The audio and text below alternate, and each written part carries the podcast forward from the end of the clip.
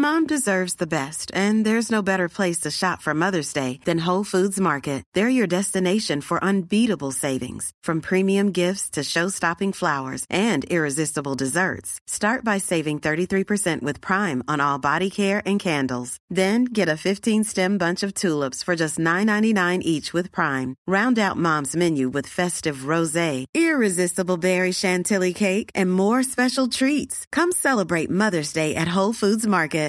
Everyone knows therapy is great for solving problems, but getting therapy has its own problems too, like finding the right therapist, fitting into their schedule, and of course, the cost. Well, BetterHelp can solve those problems. It's totally online and built around your schedule. It's surprisingly affordable too. Connect with a credentialed therapist by phone, video, or online chat, all from the comfort of your home. Visit betterhelp.com to learn more and save 10% on your first month. That's BetterHelp H E L P. A lot can happen in the next three years. Like a chatbot may be your new best friend. But what won't change? Needing health insurance.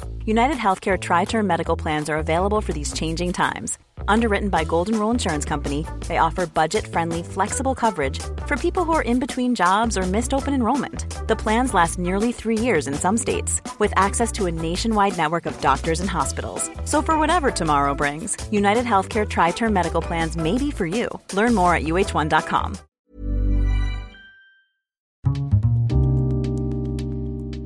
Det här programmet handlar om en noga utvald bok och ett samtal med dess författare. Välkommen till Lära från lärda.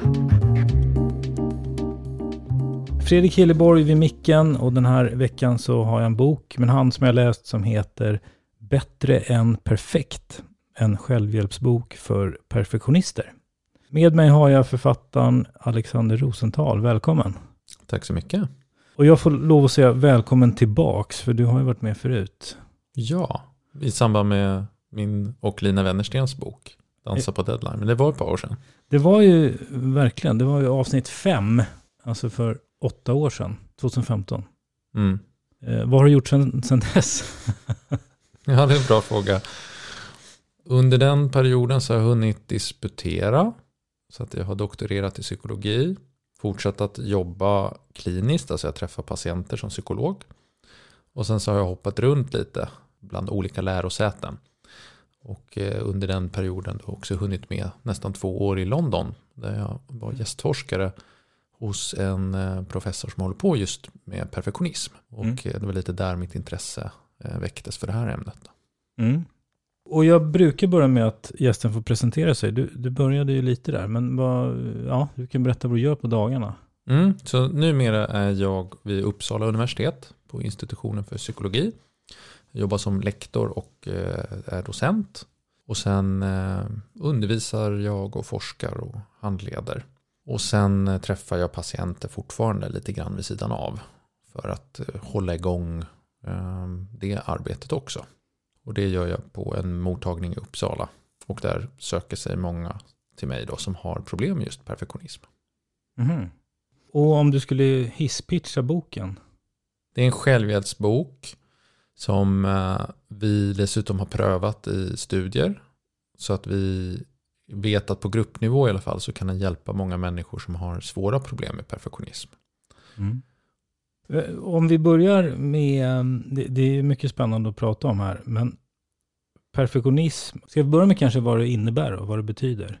Ja, men det är en bra utgångspunkt och jag tänker att det är viktigt att skilja på vad vi till vardags menar med perfektionism. Som kanske är mer att man är noggrann och flitig, ordningsam och sådär. Och det som man inom psykologi menar med perfektionism. Som betonar att det leder till negativa konsekvenser.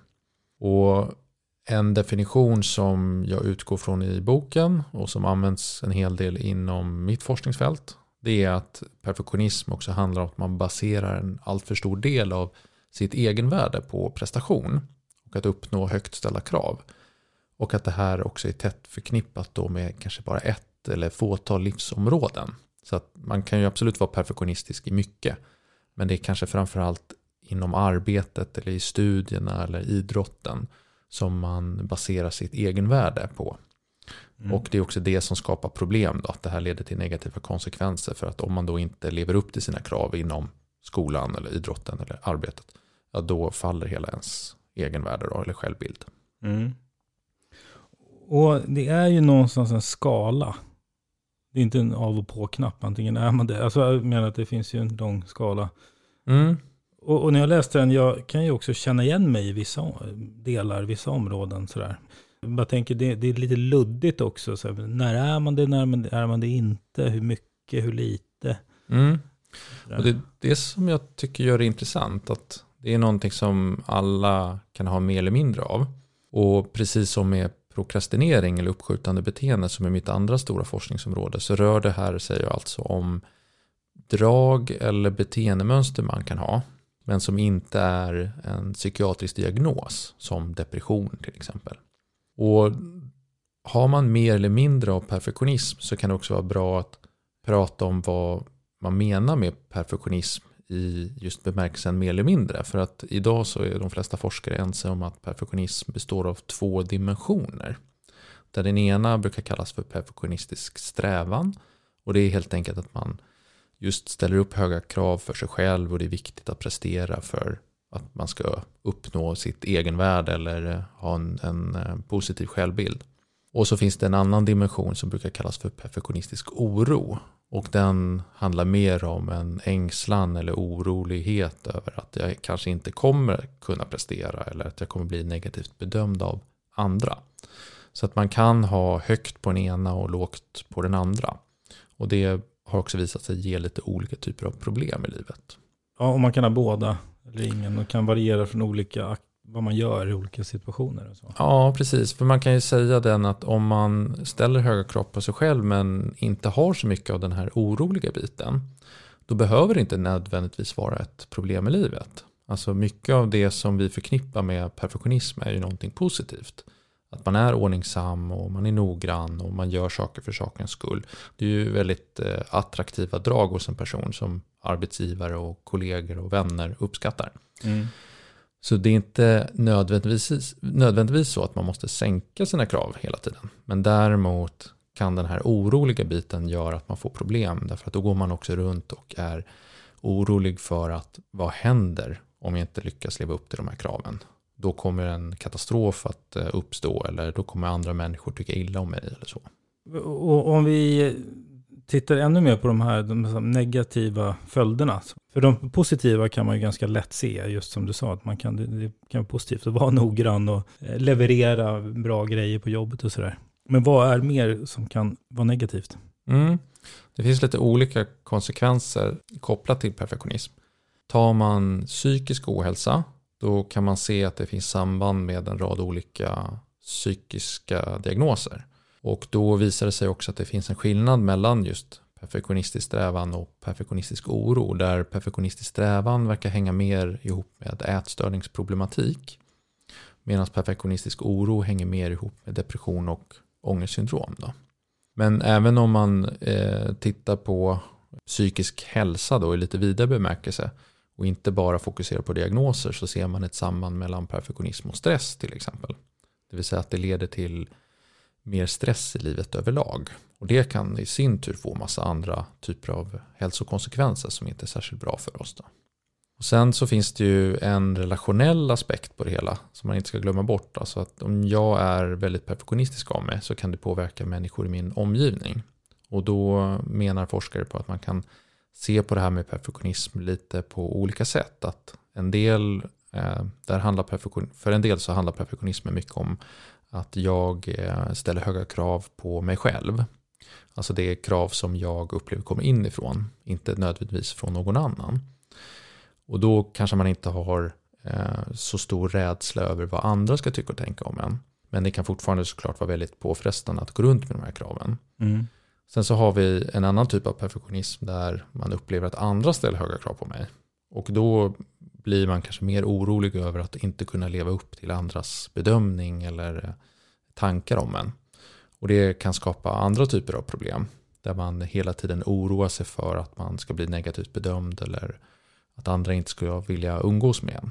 Och sen finns det en tredje variant som eh, brukar kallas för utåtriktad perfektionism. Där man snarare tänker att det är andra som ska leva upp till mina krav. Och den blir förstås väldigt destruktiv i relationer. Eh, därför att då är, är ju min självbild och mitt egenvärde baserat på att andra ska prestera på den nivån som jag vill. Och det kan ju förstås skapa väldigt stora konflikter till exempel på en arbetsplats. Då. Mm. Och det och så, kanske inte upplevs som lika negativt för personen som ställer kraven på andra. Nej, precis. Och eh, man kan väl säga att större delen av den forskning som bedrivs på det här området handlar ju om de här två första bitarna. Alltså krav jag ställer på mig själv eller krav jag upplever att andra ställer på mig. Mm.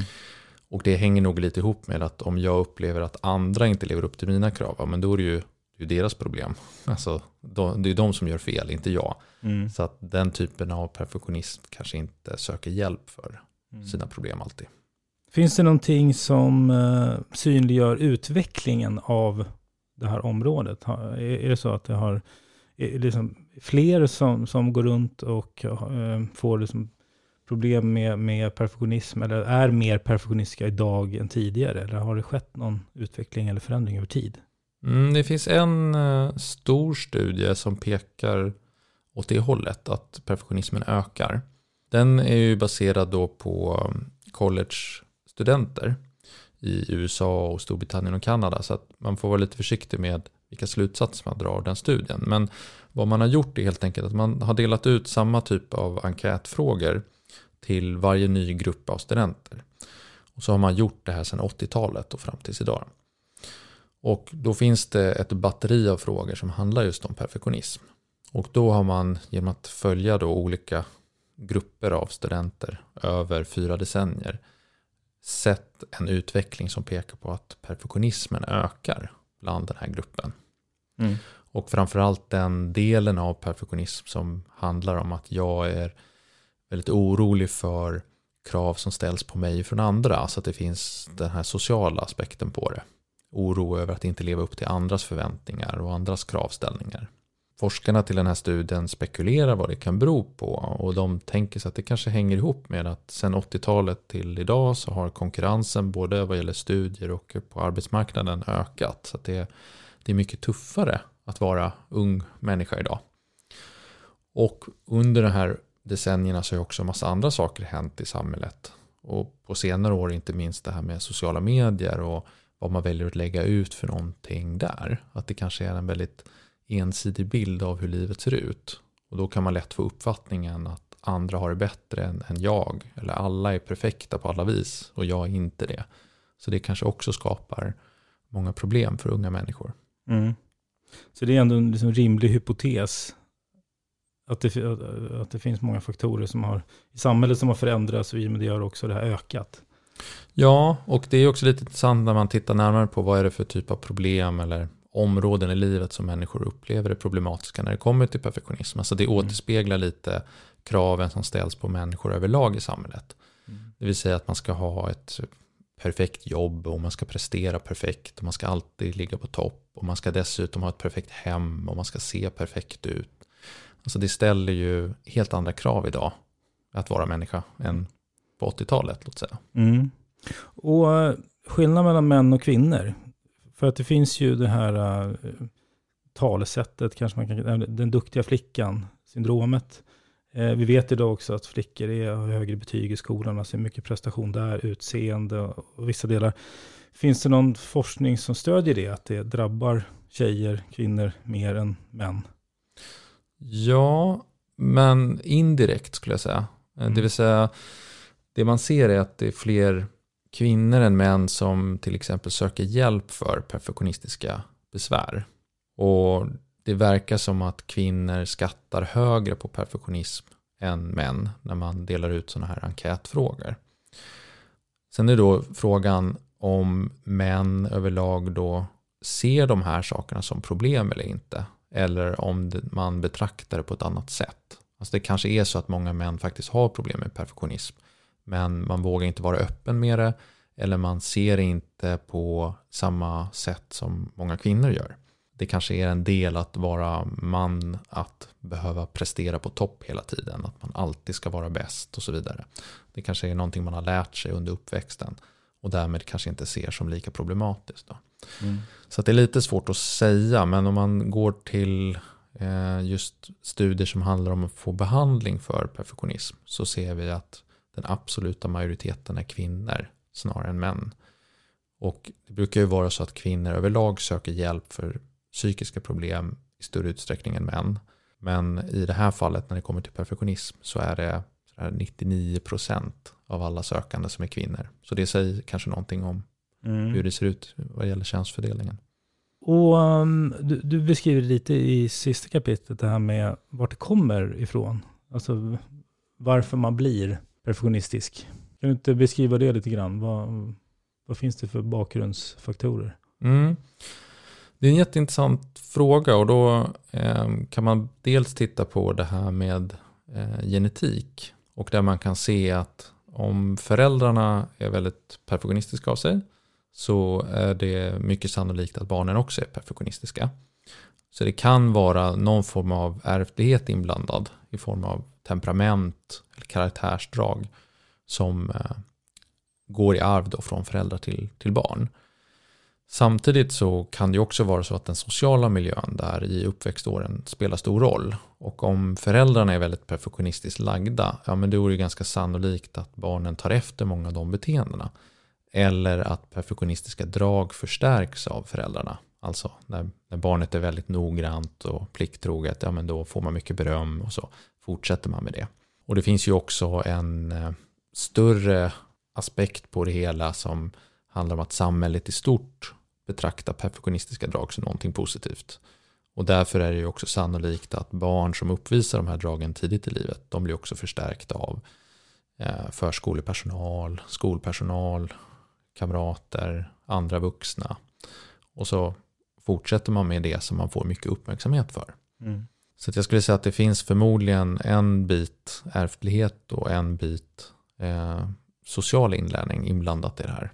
Men det intressanta är väl när det övergår till att bli ett problem och att det troligtvis har att göra med att man går från att liksom utföra de här perfektionistiska beteendena därför att det ger någonting positivt till att man gör det för att undvika någonting negativt. Alltså en rädsla för vad händer om jag inte upprätthåller den här nivån längre. Ja men det är läskigt eller det kan leda till katastrofala saker. Och därför måste jag se till att fortsätta agera på det här sättet fastän det kanske inte alltid är så ändamålsenligt i alla situationer.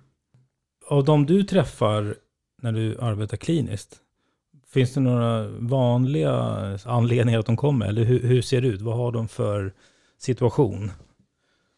Ja, eh, jag träffar ju personer som kommer till mig privat och då är det såklart att det är en ganska selekterad grupp människor, alltså som har råd att betala för terapin ur egen ficka och så.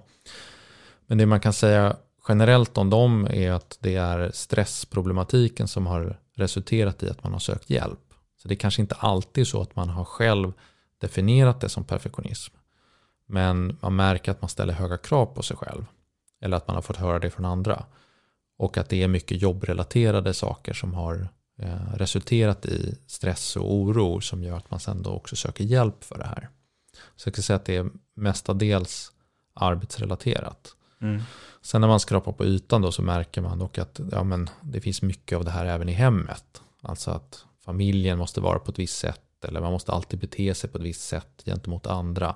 Så att det genomsyrar också mycket av eh, liksom, hur man agerar som förälder eller hur familjen ser ut eller hur man ska ha det privat. Och då är det klart att har man orimliga krav både på jobbet och hemmet, ja då blir det för mycket till slut.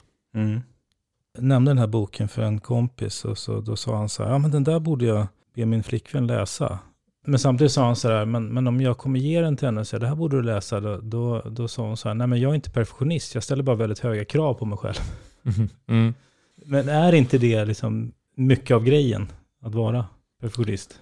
Ja och nej, alltså kraven måste ju finnas där. Så ställer man inte höga krav på sig själv eller man inte upplever att andra gör det, ja, men då har man ju inte någon drivkraft egentligen och då kanske inte heller finns så mycket att oroa sig för. Så ja, kraven måste existera, men det är inte enbart de som gör att man får problem. Och det vi varit inne på tidigare är ju också att ja, ställa krav i sig behöver inte vara eh, någonting bekymmersamt utan det kan ju faktiskt vara en väldigt viktig drivkraft i livet som har mm. resulterat i att man har kommit långt i studierna eller jobbet och sådär. Mm. Men det är när de här kraven blir väldigt inflexibla det är då det börjar uppstå problem.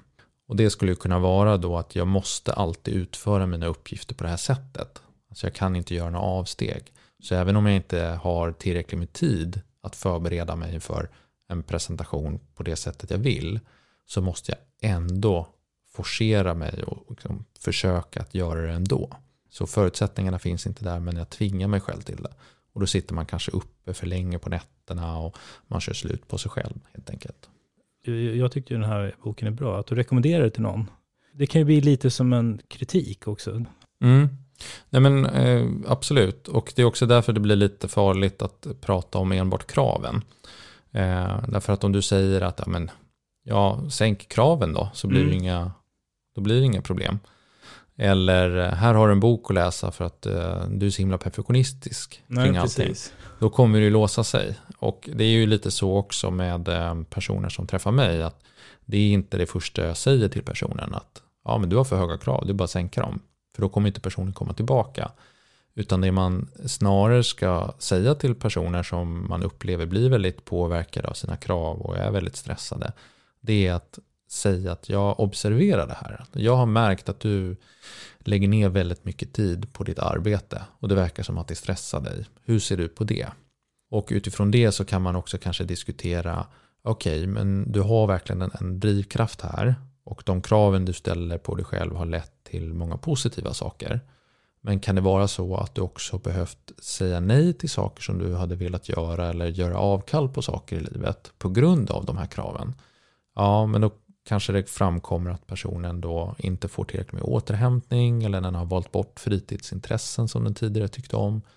Okej, då har man helt plötsligt en möjlighet att diskutera liksom för och nackdelar med beteendet. Och mm. se där, vad finns det för saker som du skulle kunna förändra för att du inte ska eh, gå miste om så här många saker i livet. Då. Jag upplever att en, en viktig poäng är också att hitta en balans. Det handlar inte om att ta bort något helt, utan kanske snarare är det balans för många.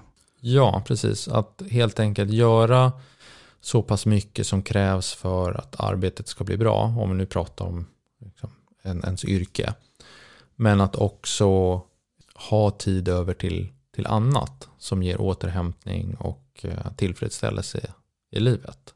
Och eh, det många perfektionister har problem med det är att man ser sina prestationer i väldigt svartvita termer. Att antingen gör man det perfekt och det är bra eller så är det värdelöst och det är dåligt. Och det man behöver hjälpa en, en sån person med det är att se de här eh, nyanserna som är mellan svart och vitt, alltså gråskalan. Att det faktiskt inte bara behöver vara dåligt och bra utan man kan göra bättre och sämre ibland. Men det behöver inte alltid vara eh, så himla definitivt hela tiden. Mm.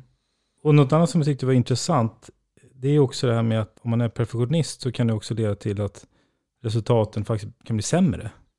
Ja, det är en jätteintressant eh, aspekt på det. Paradoxalt nog så leder ofta de här höga kraven till att slutresultatet blir lidande. Och varför är det så? Jo, oftast är det så att man kanske lägger ner mer tid och energi på någonting än vad man får ut av det. Det vill säga att man når någon slags eh, topp på sin prestationskurva. Och efter det så kommer inte ytterligare tid man lägger ner på en uppgift att resultera i ett bättre resultat. Utan man har nått den nivån där, okej det här är eh, maximal output på den input jag lägger in. Och det är kanske där någonstans jag ska stanna. Och det brukar ofta vara en ögonöppnare för många perfektionister att se att okej, okay, det kanske inte handlar alltid om att lägga ner mer tid och mer energi på saker och ting utan att eh, lägga mig på en nivå som är optimal. Mm. Och på så sätt också få tid över till annat i livet. Ja, det måste ju vara ett attraktivt argument för den som är prestationsdriven och prestationsstyrd. Ja, verkligen. Och ett eh, exempel som jag brukar använda mig av, eller en liknelse, det är ju idrottare att det är ju jättebra att eh, träna väldigt mycket på den idrott man ägnar sig åt. Men det är ju också så att om du övertränar du gör för mycket, ja men då börjar du skada dig. Så många idrottare behöver ju hitta den här balansen mellan maximal input och maximal output. Annars börjar man prestera sämre och kan till och med råka illa ut. Då. Och precis så förhåller det sig också med våra andra prestationer i livet. Fast då kanske det inte handlar om en fysisk skada men att man helt enkelt blir ja, sönderarbetad istället. Mm. Ready to pop the question? The jewelers at BlueNile.com have got sparkle down to a science with beautiful lab-grown diamonds worthy of your most brilliant moments. Their lab grown diamonds are independently graded and guaranteed identical to natural diamonds, and they're ready to ship to your door. Go to Bluenile.com and use promo code LISTEN to get $50 off your purchase of $500 or more. That's code LISTEN at Bluenile.com for $50 off. Bluenile.com code LISTEN. I'm Sandra, and I'm just the professional your small business was looking for. But you didn't hire me because you didn't use LinkedIn jobs. LinkedIn has professionals you can't find anywhere else, including those who aren't actively looking for a new job but might be open to the perfect role, like me. In a given month, over 70% of LinkedIn users don't visit other leading job sites. So if you're not looking on LinkedIn, you'll miss out on great candidates like Sandra. Start hiring professionals like a professional. Post your free job on linkedin.com/people today. Hey, it's Paige DeSorbo from Giggly Squad. High quality fashion without the price tag. Say hello to Quince. I'm snagging high-end essentials like cozy cashmere sweaters, sleek leather jackets, fine jewelry, and so much more. With Quince being 50 to 80% less than similar brands. And they partner with factories that prioritize safe, ethical, and responsible manufacturing. I love that. Luxury quality within reach. Go to quince.com slash style to get free shipping and 365 day returns on your next order. quince.com slash style. Något annat område som jag, jag nämnde det för dig innan, och det är egentligen inget du skriver om, men det är med det här med föräldraskap och perfektionism. För det var en annan gäst som sa det att idag är föräldraskap väldigt, också väldigt projekt perfekt inriktat. Mm. Att det kan förknippas med väldigt mycket. Att nu måste man ha en viss vagn och man måste göra det och det och det och det. Alltså det finns ju hur mycket med barn som helst man måste, måste mm. göra så att säga. Är det ett område som du på något vis har liksom sett i förhållande till det här, perfektionism? Ja, så tillvida att personer som jag träffar då som har problem med perfektionism, både i forskningen och när jag jobbar som psykolog, ofta har höga krav ställda på sig själva vad gäller deras föräldraskap och familjeliv. Och där det finns sådana här tydliga förväntningar, tänker man sig, på hur man måste agera som förälder. Och även där blir det väldigt svart eller vitt. Alltså antingen gör man det perfekt eller så eh, blir det värdelöst.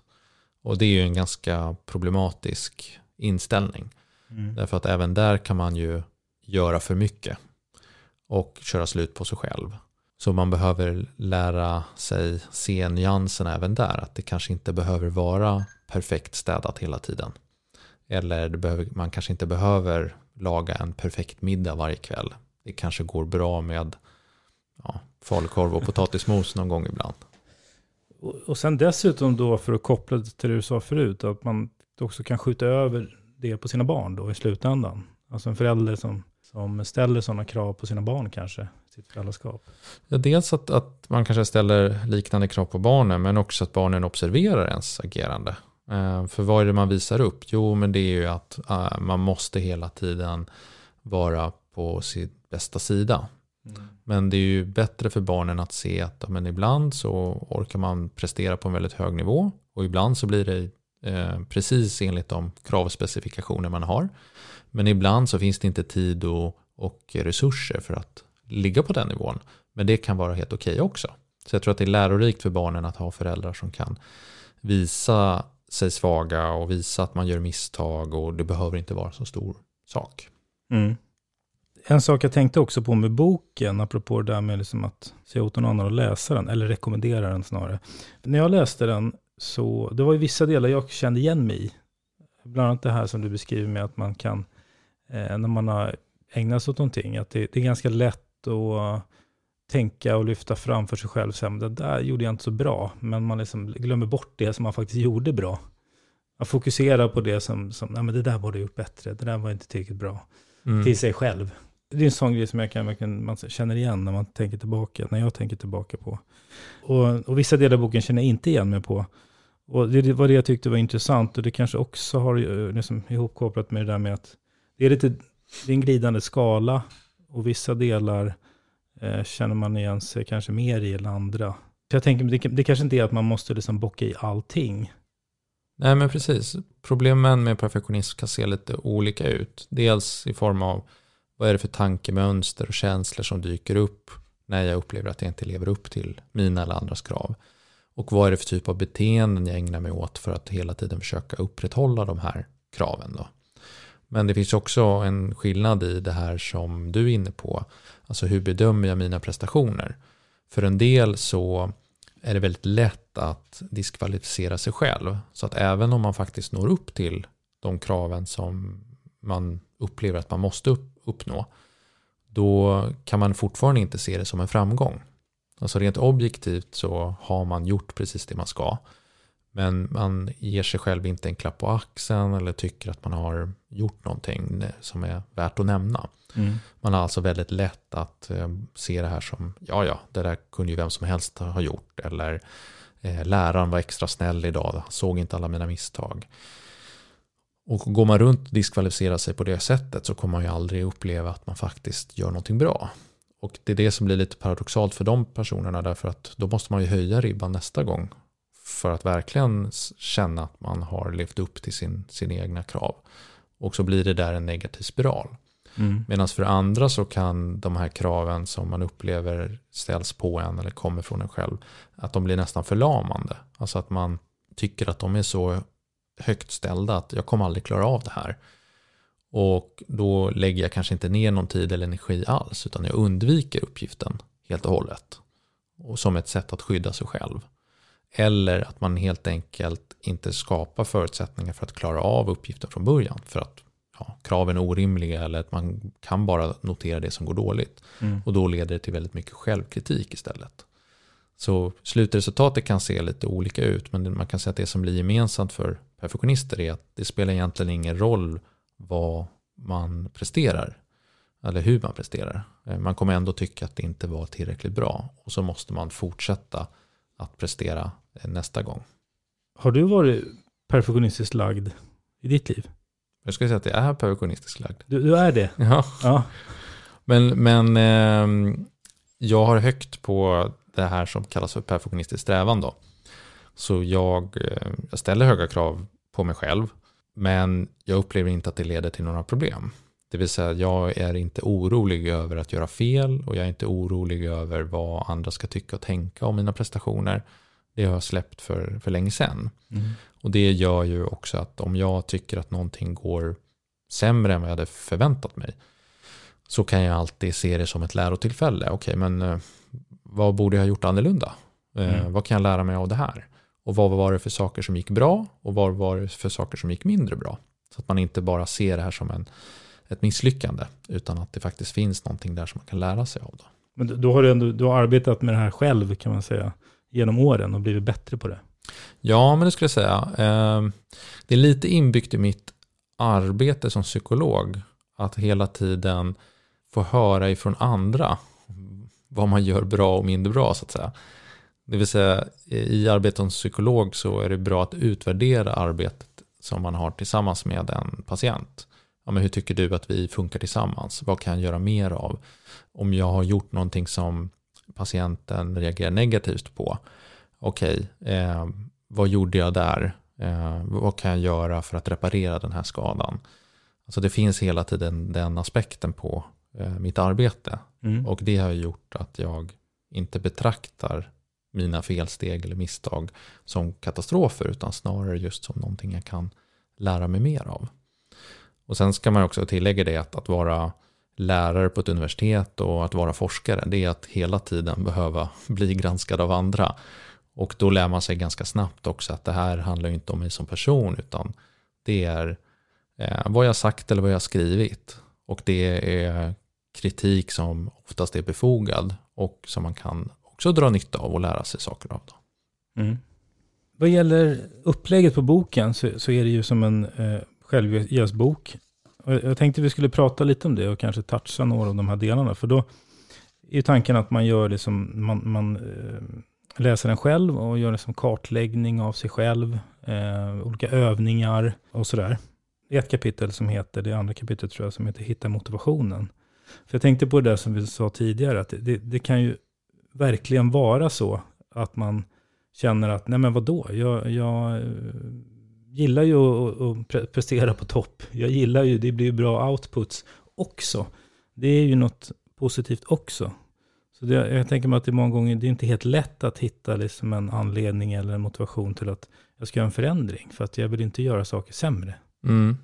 Det, det, det, är liksom en komplex, eh, vad ska man säga, eh, fälla där. Mm. Och eh, det är också därför det kommer som ett av de första kapitlen i boken och att det, det finns en vits med att lägga lite tid på det.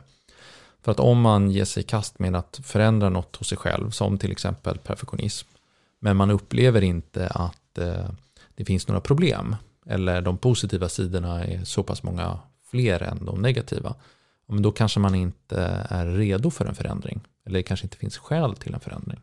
Så att man behöver alltid fundera över vad är det som gör att jag vill förändra de här sidorna hos mig själv.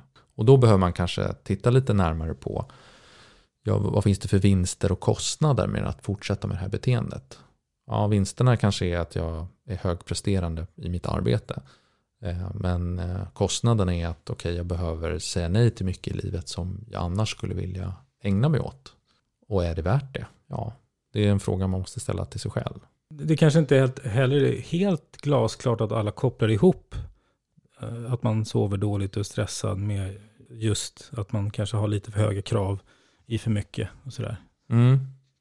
Nej, och där får man också vara noga med att skilja på självpåtagna krav som man tänker sig är grunden då för de perfektionistiska besvären och krav som är orimliga och ställs av sin arbetsgivare eller vad det kan nu vara.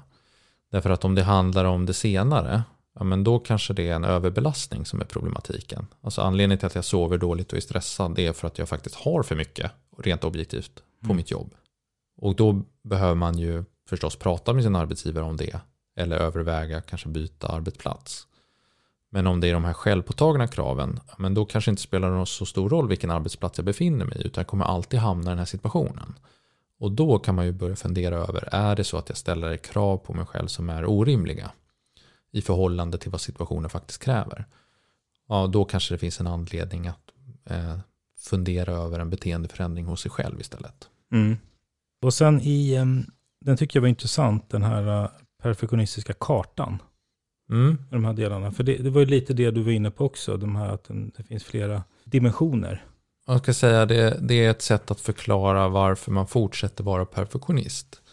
Och där den här kartan då slutar någonstans i att det spelar ingen roll vad slutresultatet blir. En, en perfektionist kommer ändå betrakta sig själv som ja, man inte lyckades och uh, att man måste prestera mer nästa gång. Och det är det som är lite moment 22 för perfektionister. Att även om du lägger ner hur mycket tid som helst på någonting eller undviker uppgiften helt och hållet så kommer du ändå hamna tillbaka till ruta ett där du baserar en väldigt stor del av ditt egenvärde på prestation och du måste fortsätta att eh, försöka uppnå de här kraven som du ställer på dig själv. Då. det är det som skapar en låst, låst situation för personen när man liksom tar de här stegen och kartlägger sig själv och, och försöker hitta vad, vad är som mina nycklar någonstans och sådär. Så är det lätt att, så här, ja okej, det kan man ju förstå. Och, alltså det är lätt att det stannar i någon slags teori. Mm. För sen måste man ju faktiskt liksom gör, börja göra annorlunda också. Ja, precis. Och då finns det två, två delar. Eh, det ena handlar om att se saker och ting på ett annat sätt. Och det andra handlar om att börja utmana tidigare mönster. Och när det kommer till att se saker på ett annat sätt så är det ju ofta så med personer som ställer höga krav på sig själv eller är perfektionister att man föreställer sig att så här gör alla. Eller man måste göra på ett visst sätt därför att det är det som förväntas av en. Och det kan man behöva rucka lite på. Och det lättaste sättet att göra det på det är att man faktiskt frågar andra människor. Så att om vi tar det här exemplet med att jag behöver hålla en presentation på jobbet och jag har en idé om att det måste vara helt perfekt. Jag får inte ha ett enda fel någonstans i min presentation. Jag måste kunna svara på alla frågor som ställs. Ja, och går man in med den inställningen så har man förmodligen också lagt ner jättemycket tid och energi på att förbereda sig. Men frågan är, är det verkligen så? Alltså vad händer om du inte kan svara på en fråga? Betyder det att du inte kan ditt ämne? Eller är det mänskligt att inte kunna svara på allting? Mm. Då skulle man ju faktiskt kunna ställa den frågan till några i sin arbetsgrupp eller några man eh, har förtroende för på arbetsplatsen. Ja, har du någonsin kommit av dig under en presentation? Vad händer då? Eller vad tänker du om det? Eller en person som inte kan svara på en fråga under en presentation, vad tänker du om den personen? Och det man oftast får höra är, ja men det händer mig hela tiden, jag, jag kan inte svara på allt och nej men det är väl inget konstigt. Kan man inte svara så får man kolla upp det och så kan man komma tillbaka till personen och säga hur det var. Mm. Den korrigerande informationen brukar ofta vara en ögonöppnare för de här individerna. Och det gör ju också att man vågar prova att agera annorlunda i nästa steg. Mm. För då kanske man kan se vad händer om jag inte sitter uppe fem nätter i rad och förbereder mig utan det kanske räcker med två kvällar i rad. Blev resultatet verkligen så dåligt då? Eller var det så att jag presterade på samma nivå? Det handlar om att rucka på sitt synsätt där. Ja, precis. Att, att samla in korrigerande information för att ta reda på hur, faktiskt för, hur det faktiskt förhåller sig mm. i, i, verkligheten. Så att det inte bara bygger på mina idéer om vad som är bra nog. Då. Och då sen kanske testa, vad händer då om jag gör på ett annat sätt? Istället? Ja, precis. Och då utgår man mycket från något som inom psykologi kallas för beteendeexperiment. Alltså man experimenterar med sitt beteende helt enkelt. Och då kan det handla om just att jag gör någonting annorlunda än vad jag brukar. Och så ser jag vad som händer. Mm. Och ett exempel skulle kunna vara en, en, person jag träffade för många år sedan som skulle kontrollera siffror på, eh, ja man kan se det som ett litet PM eller en rapport som skickas ut till alla anställda på ett företag. Och det var väldigt eh, viktigt för den här personen att siffrorna var korrekta. Och eh, då vill man ju förstås dubbelkolla att man har fått med allting och att det inte finns några uppenbara fel såklart. Men den här personen hade så svårt att släppa det här med att det kan finnas ett fel någonstans att han satt uppe jättelänge på nätterna innan han kunde skicka iväg den här rapporten. Mm. Och det blir ju då problematiskt för då har man ju skapat sig en föreställning om att det är viktigt att lägga ner så här mycket tid och energi på det. Och då kunde ett experiment gå ut på, okej okay, vad, vad händer om du bara får dubbelkolla siffrorna en gång istället för tio gånger? Vad, vad, vad blev skillnaden? Och då visade det sig att nej, det hände ingenting. Mm. Eh, det var ingen som sa att det fanns fler fel den här gången. Eller som kommenterade överhuvudtaget. Folk kanske inte ens är särskilt intresserade av de här rapporterna. Och den insikten gjorde att den här personen vågade rucka på fler beteenden. Alltså börja ändra på fler saker. Mm. Och därmed också började förändra mycket kring liksom hur han tog sig an arbetsuppgifter på jobbet. Och det mm. gjorde i sin tur att han fick mer tid över till annat som han ville göra på fritiden. Då. Ja, men har vi inte ofta att man kan ha en tendens att liksom överskatta andras så att säga, intresse för det jag gör eller liksom lägger märke till mina fel. Eller det, alltså intresset för det man själv håller på med kan överskattas. Ja, så det är ett så generellt drag hos människor att vi övervärderar betydelsen av våra egna handlingar. Ja. Alltså att människor skulle vara mer intresserade än vad de faktiskt är. Och går man runt med de typen av föreställningar då är det inte så konstigt att man lägger ner mer tid eller energi på, på någonting. För att man har en förväntan om att det här är viktigt för andra människor. Mm. Men egentligen så är de ju inte så jätteintresserade. Nej, ja, när jag var på den där festen, alla kollade säkert på mina konstiga byxor. Mm. För att jag hade en fläck där. Fast det är ingen som bryr sig. Nej, precis. Och, och det kan ju förstås vara lite jobbigt om man har varit den här flitiga medarbetaren och lagt ner så här mycket tid och energi på saker att då också lägga märke till att ah, det kanske inte hade så stor betydelse i slutändan. Men det betyder ju också att okej, okay, den tiden jag lagt ner på det här, det kanske jag kan lägga på någonting annat som är viktigare för mig. Så den positiva aspekten är också viktig att lyfta fram. att Det handlar ju om eh, balans, man får faktiskt tid för annat. Ja, precis. Och då kanske man kan lägga mer tid på familjen eller återhämtning eller fritidsintressen eller vad det nu kan vara. För att en annan aspekt på det här med perfektionism är ju att man baserar en alltför stor del av sitt egenvärde på oftast bara ett livsområde. Mm. Och om det är jobbet och man upplever att man inte presterar på jobbet, då faller ju hela självbilden. Så någonting man också vill åstadkomma när man jobbar med sin perfektionism, det är att man breddar det här lite mer så att man har fler livsområden som man känner att man kan bygga upp sin självbild på. Och då kanske det är jobbet som är viktigt, men det är också viktigt med familjen, det kanske är viktigt att vara en god vän, litteratur tycker jag är viktigt, eller vad det nu är för någonting.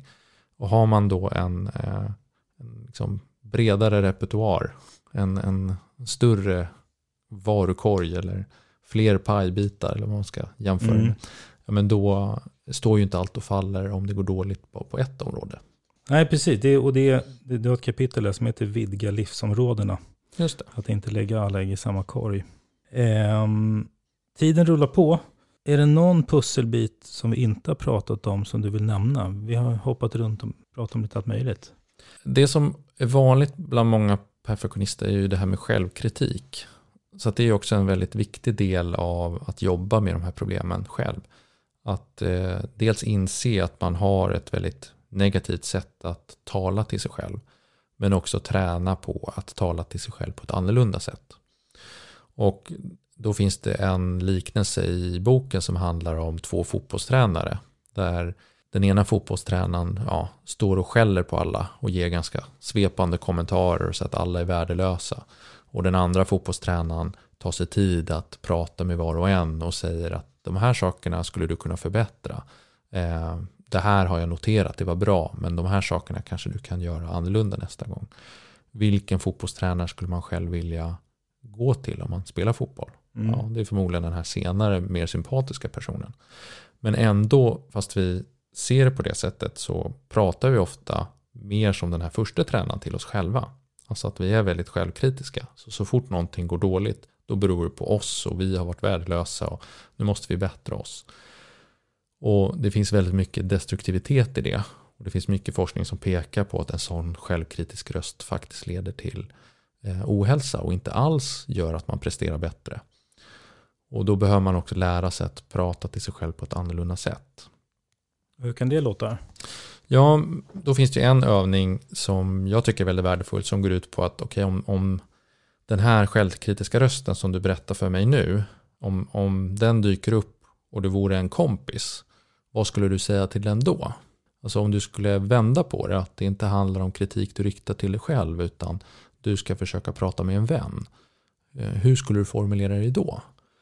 Och det brukar vara en ögonöppnare också för perfektionister, att se att okej, okay, om jag pratar till en vän på ett visst sätt så kanske jag kan använda det gentemot mig själv också. Mm. På ett, ett, sätt som är liksom mer empatiskt och inkännande. Och det brukar ha en väldigt god effekt för de här mer självkritiska perfektionisterna. Så tänk att man är en förälder så har man ett, ett, eh, ett barn i skolålder som är jättebesviken på att man inte klarade provet. Mm. Då skulle man ju kunna prata med den personen på ett sätt som handlar om att ja, men du, jag förstår att du är ledsen. Du kämpade verkligen med det här och du eh, ansträngde dig verkligen, men det gick inte. Så jag förstår att du är besviken.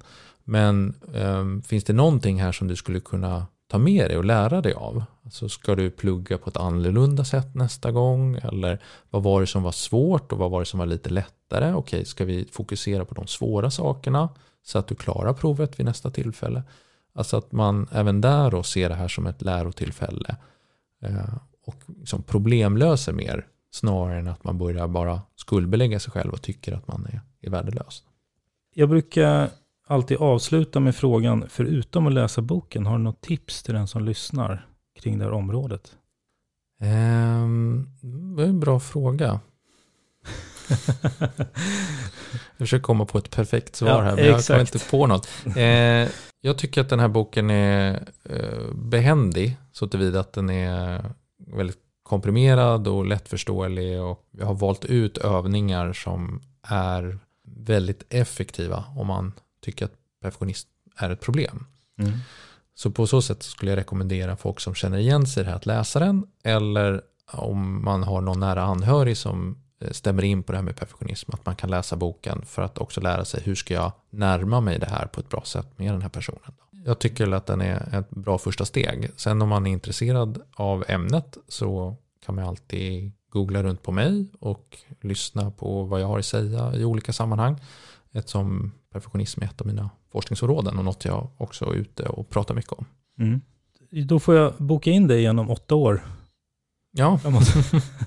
Så får vi se vad, vad det är för bok då kanske. Om man vill eh, ställa en fråga till dig förresten, var hittar man dig någonstans? Lättast är om man går in på LinkedIn, för där brukar jag också lägga ut mycket av min forskning och saker som händer. Så där kan man skicka ett, ett litet meddelande och så svarar jag så fort jag kan. Tack för att du var med. Tack så jättemycket.